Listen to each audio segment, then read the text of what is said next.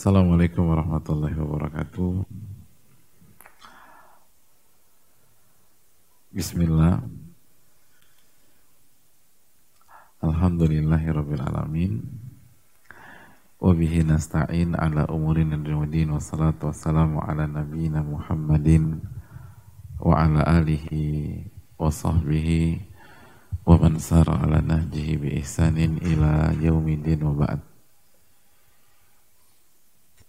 Sebuah kebahagiaan yang tidak terhingga Allah pertemukan kita di sini dalam rangka belajar mempelajari Al-Quranul Karim dan sunnah Nabi Sallallahu Alaihi Wasallam yang sahih. Oleh karena itu, marilah kita meminta kepada Allah Subhanahu wa taala agar menjadi akan menjadikan ilmu kita ilmu yang bermanfaat. Amin ya rabbal alamin. Teman-teman sekalian, materi kita pada kesempatan pagi hari ini pada hari ini nih.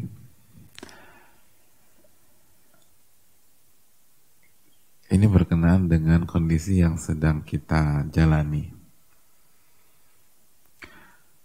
Kondisi yang tidak mudah. Yang berat.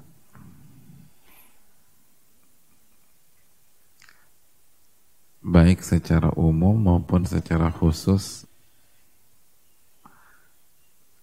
Karena saya nggak ngebayangin kalau teman-teman ngajar online dengan kondisi seperti ini. Itu pasti susahnya minta ampun. Dan itu menguras energi dan tenaga.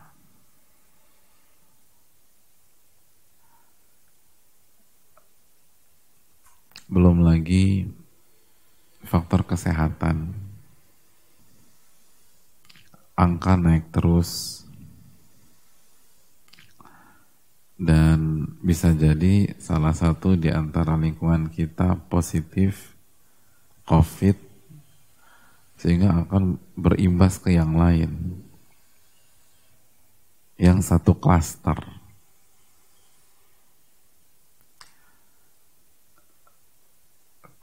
kekhawatiran muncul sampai pada isolasi.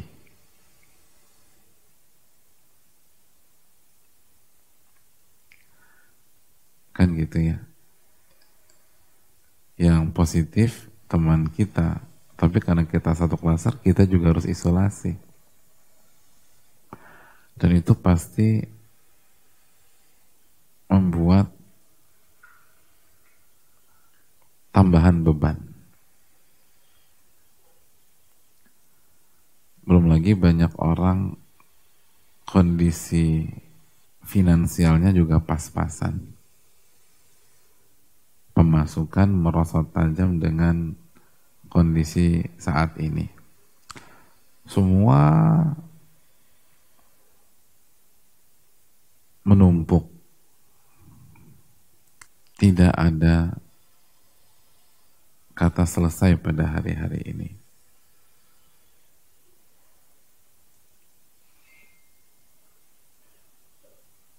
Gimana nih cara nyikapin kondisi begini?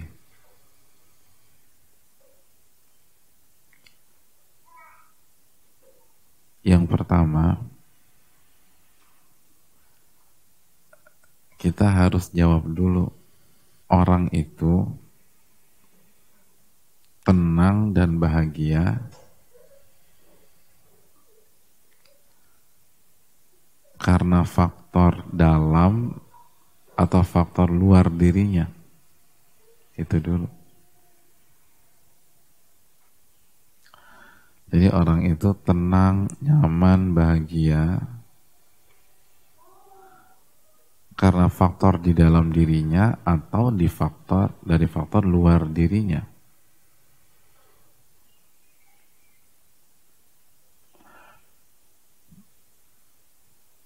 Maksudnya gimana? Contoh,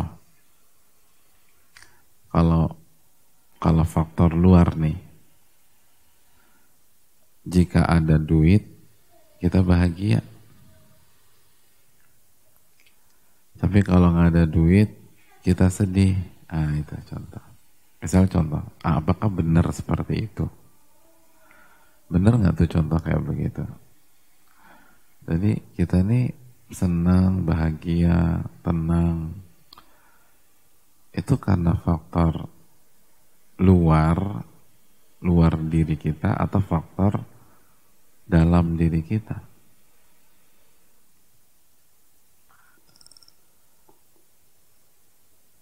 ketenangan dan kebahagiaan itu itu dari faktor internal diri bukan dari eksternal.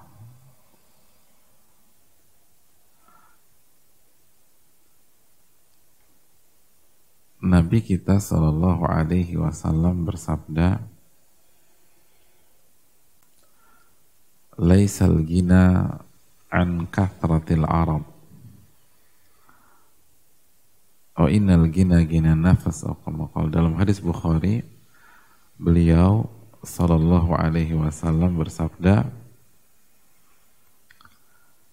kekayaan itu bukan banyaknya uang atau aset Tapi kekayaan itu adalah kekayaan jiwa atau hati.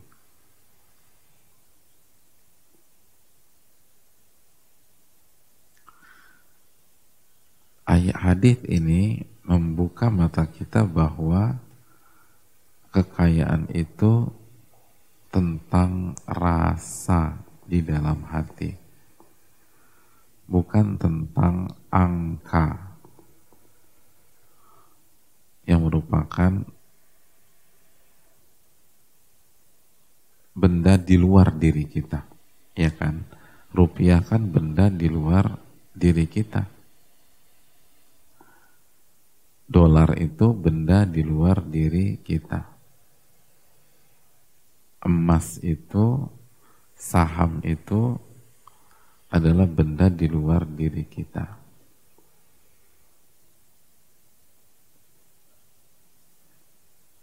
Dan bukan itu kekayaan. Aset, asetnya apa sih? Misalnya kita punya usaha, ada aset, ada mesin jahit, ada lemari, segala macam. Itu semua benda di luar diri kita. Dan kata Rasul Shallallahu Alaihi Wasallam itu kekayaan itu bukan harta atau aset, Kekayaan itu kekayaan jiwa. Jadi kaya itu tentang rasa di dalam jiwa. Intinya tuh itu. Nah di sinilah banyak pihak salah paham. Dipikir kebahagiaannya ditentukan oleh hal di luar diri dia.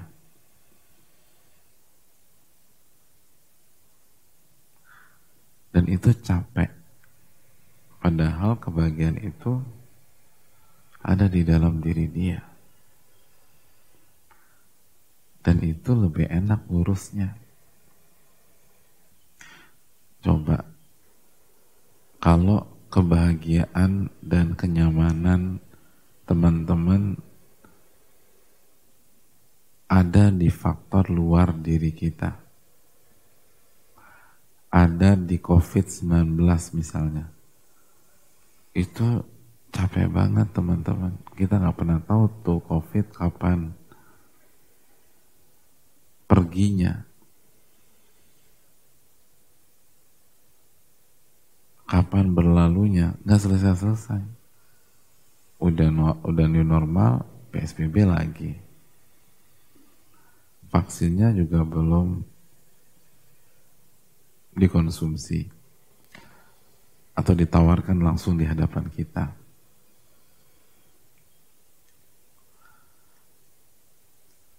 masalah enggak masalah.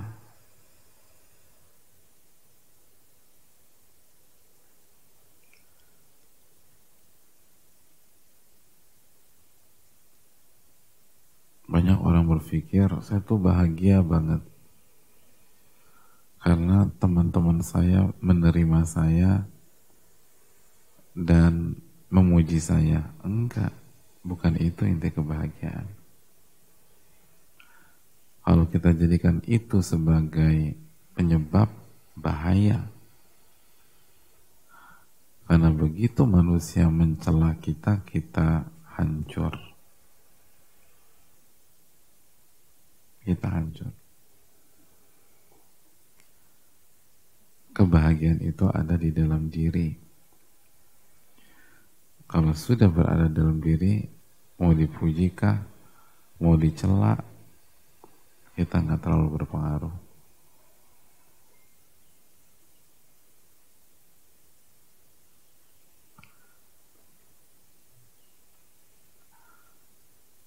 Itu hal yang pertama, jangan pernah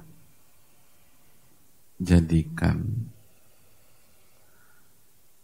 sebab kebahagiaan kita faktor luar.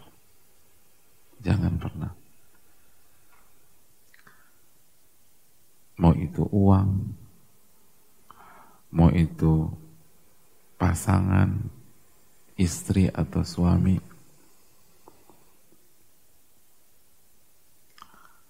mau itu harta, mau itu status, capek kita dibuatnya. Karena kita nggak bisa mengendalikan faktor di luar diri kita. Tanamkan bahwa kebahagiaan itu sumbernya dari dalam. Itu yang paling kuat.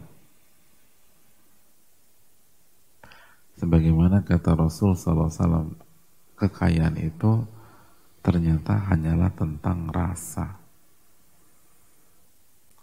Tentang rasa.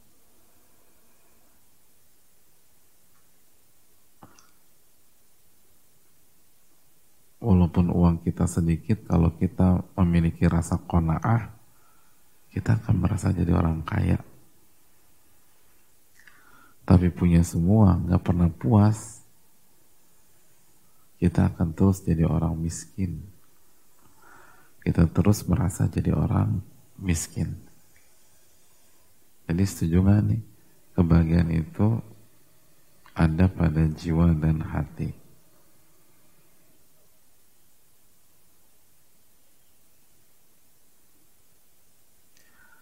Kalau setuju, kita lanjut lagi. Gimana buat hati kita tenang dan bahagia? Kita buat simpel aja. Semua tergantung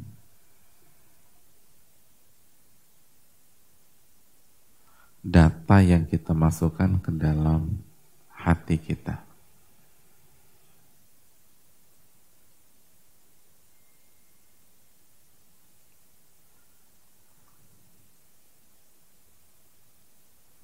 Kalau datanya positif dan baik,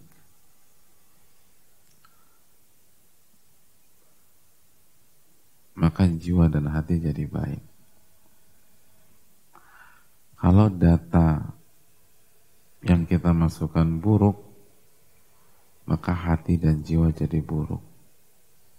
Selalu pegang prinsip itu. Masih ingat teori output itu tergantung input. Apa data yang kita masukkan, itulah sikap yang akan kita perlihatkan.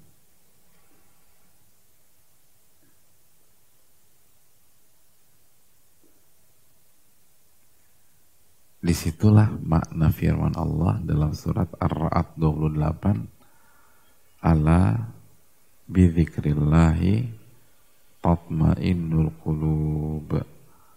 Ketahuilah dengan mengingat Allah dengan berzikir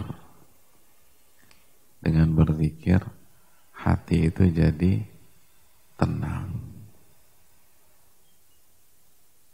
Hati itu jadi tenang. Kenapa? Hubungannya apa sih? Itu tadi karena ketenangan dan kebahagiaan itu di dalam hati Nah suasana hati ditentukan apa yang kita masukkan ke dalam hati tersebut. Kalau kita masukkan yang baik-baik, maka hati jadi baik. Tapi kalau kita masukkan yang buruk-buruk, yang negatif-negatif, hati jadi buruk dan gak karu-karuan. Nah pertanyaan simpel. apakah ada yang lebih baik dari Allah Subhanahu wa taala?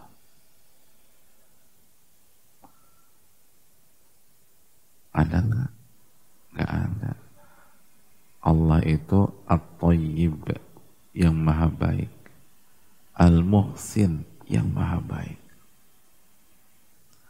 Maka jika kita mengingat Allah, maka data yang kita masukkan ke dalam hati kita tentang Allah. Allah yang maha apa? Yang maha baik, yang maha pengasih, lagi maha penyayang. Otomatis suasana hati pun jadi baik.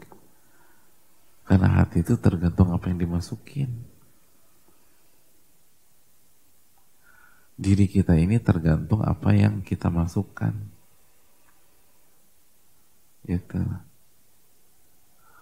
Kalau teman-teman semua pengen jam 2 siang nanti keluar masuk kamar mandi, nah usahakan jam 12, jam 1 makan makanan basi. Gitu.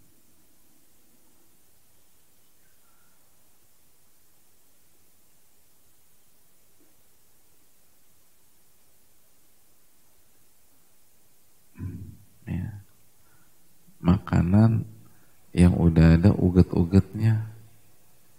Hmm. Hmm. Nah, begitu kita konsumsi itu, nanti beberapa menit atau jam kemudian, mulai deh mules, nggak karu-karuan, lalu pengen ke kamar mandi, itu coba. Gampang aja. Jadi kalau pengen perut mulus tuh perut nggak usah digebukin, nggak usah. Kasih masukan aja makanan yang basi, yang kotor, yang udah expired. Nanti bereaksi sendiri di diri kita. Jadi berantakan. Karena diri ini tergantung apa yang kita masukkan. Kalau secara fisik berkaitan dengan makanan, secara hati dan jiwa berkaitan dengan data. Gitu. Gitu aja. Kalau kita ingin apa namanya, insya Allah sehat walafiat, fisik bagus, Nah, makanannya dijaga. Begitu. Jadi nggak usah ribut-ribut apa pun. Jaga makanan yang masuk ke dalam diri kita. Itu yang menentukan bagaimana kondisi jasmani kita beberapa saat kemudian. Nah, sama. Hati kita ini butuh makanan jiwa kita ini butuh makanan. Kalau yang dikasih masuk adalah bangkai aib orang misalnya, itu ngerusak. Jadi gibah itu bukan hanya tentang hukumnya haram. Anda dengar gibah, ngerusak jiwa Anda. Makanya lihat aja, orang-orang yang hobinya gibah, jiwanya kerdil. Orang-orang yang hobi gibah, sholatnya nggak khusyuk. Nggak semangat ya mulai. Kalaupun sholat, nggak mendapatkan kualitas sholat yang baik. Kenapa?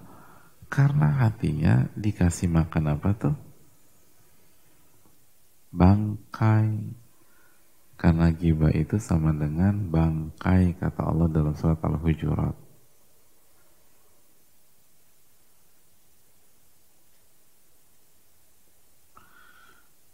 Nah, jika hati kita mau bersih, makanan yang paling bergizi itu zikir. Nah, itu. Zikir. Nah, itu. itu makanan yang paling apa? Bergizi. Bergizi. Ala bidzikrillah tatma'innul qulub. Ketahuilah dengan berzikir hati itu jadi tenang. Jadi dengan berzikir hati itu jadi tenang gitu. Jadi ridho. Nah itu. Walaupun nggak punya duit di zaman Rasul Shallallahu Alaihi Wasallam.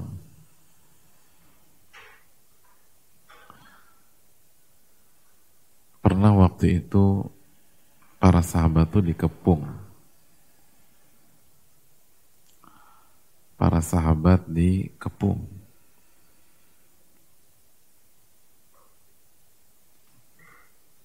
apa yang terjadi? Ada orang-orang yang jahat menakut-nakuti. Allah berfirman dalam surat Ali Imran 173, "Alladzina qala lahumun nas an innan nasa qad jama'u lakum fakhshawhum.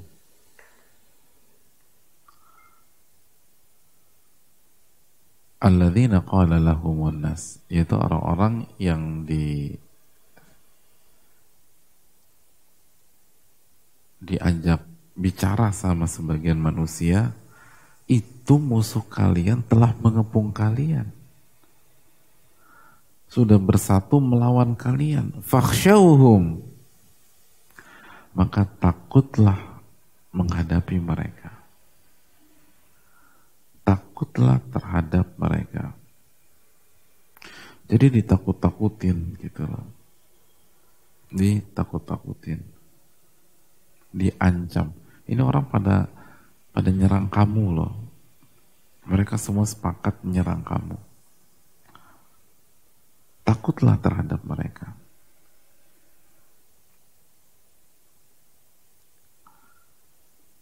Lalu apa yang terjadi? Mereka takut ketika mereka sedang dikepung. Fazadahum imana. Diserang. Ditakut-takuti diancam. Apa hasilnya? Fazadahum imana. Fazadahum imana. Justru mereka semakin beriman kepada Allah. Padahal suasana di luar gak kondusif. Suasana di luar menjatuhkan suasana di luar diri kita membuat kita lemah dan ciut. Tapi fazadahum imana. Justru iman mereka semakin tinggi. Semakin naik. Apa penyebabnya? Ikuti penyebabnya ini. وقالوا حسبنا الله ونعم الوكيل mereka menyatakan hasbunallah cukuplah Allah bagi kami dan Allah sebaik-baik penolong jadi yang membuat mereka tenang iman mereka bertambah bukan karena mereka punya senjata yang kuat atau lebih kuat. Bukan karena mereka lebih banyak. Bukan karena mereka punya strategi yang meyakinkan. Bukan karena musuh mereka lemah. Tapi membuat mereka justru semakin yakin, semakin tenang, karena yang mereka masukkan ke dalam hati mereka adalah zikrullah mengingat Allah. Kondisi di luar memang menakutkan tapi mereka nggak masukkan ke hati kondisi di luar diri mereka memang mencekam, tapi mereka tidak masukkan ke hati. Kondisi di luar sana memang mengerikan, tapi mereka nggak masukkan ke hati. Yang mereka masukkan ke hati mereka apa? Zikrullah. Zikrullah berzikir kepada itu yang dimasukkan ke dalam hati.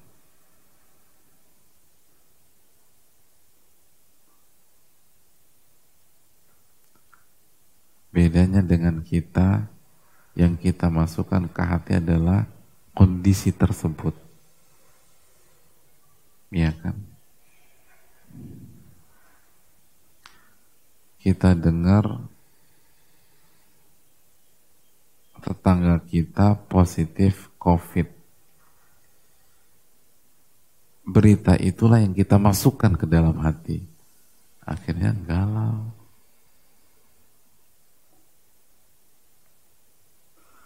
Yang kita masukkan ke hati adalah zikrullah. Subhanallah wa bihamdih misalnya. Jadi kita masukkan adalah subhanallah wa. Maka justru tenang. Tenang. Coba deh. Coba. Al-Imam Ibn Qayyim mengatakan di dalam hati kita itu ada ruang kosong yang hanya bisa diisi dengan mengingat Allah. Mau diisi pakai apa nggak bisa hanya dengan mengingat Allah. Dan kita nggak akan bahagia kecuali ruang kosong itu terisi.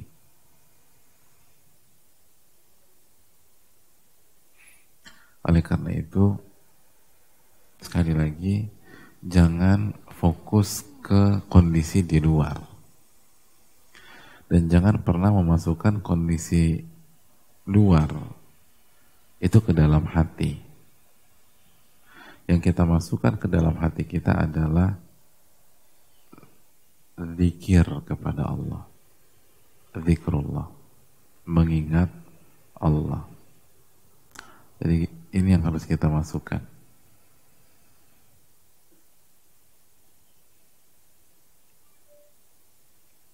Maka seberat apa pun kita akan tenang. Kita akan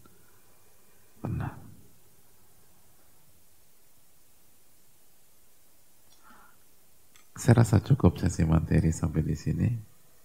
Kita tutup dengan doa kafaratul majelis tapi sebelumnya semoga Allah menerima amal ibadah kita dan menjadikan ilmu yang bermanfaat. Masuk ilmu yang bermanfaat ya. Kita doa subhanaka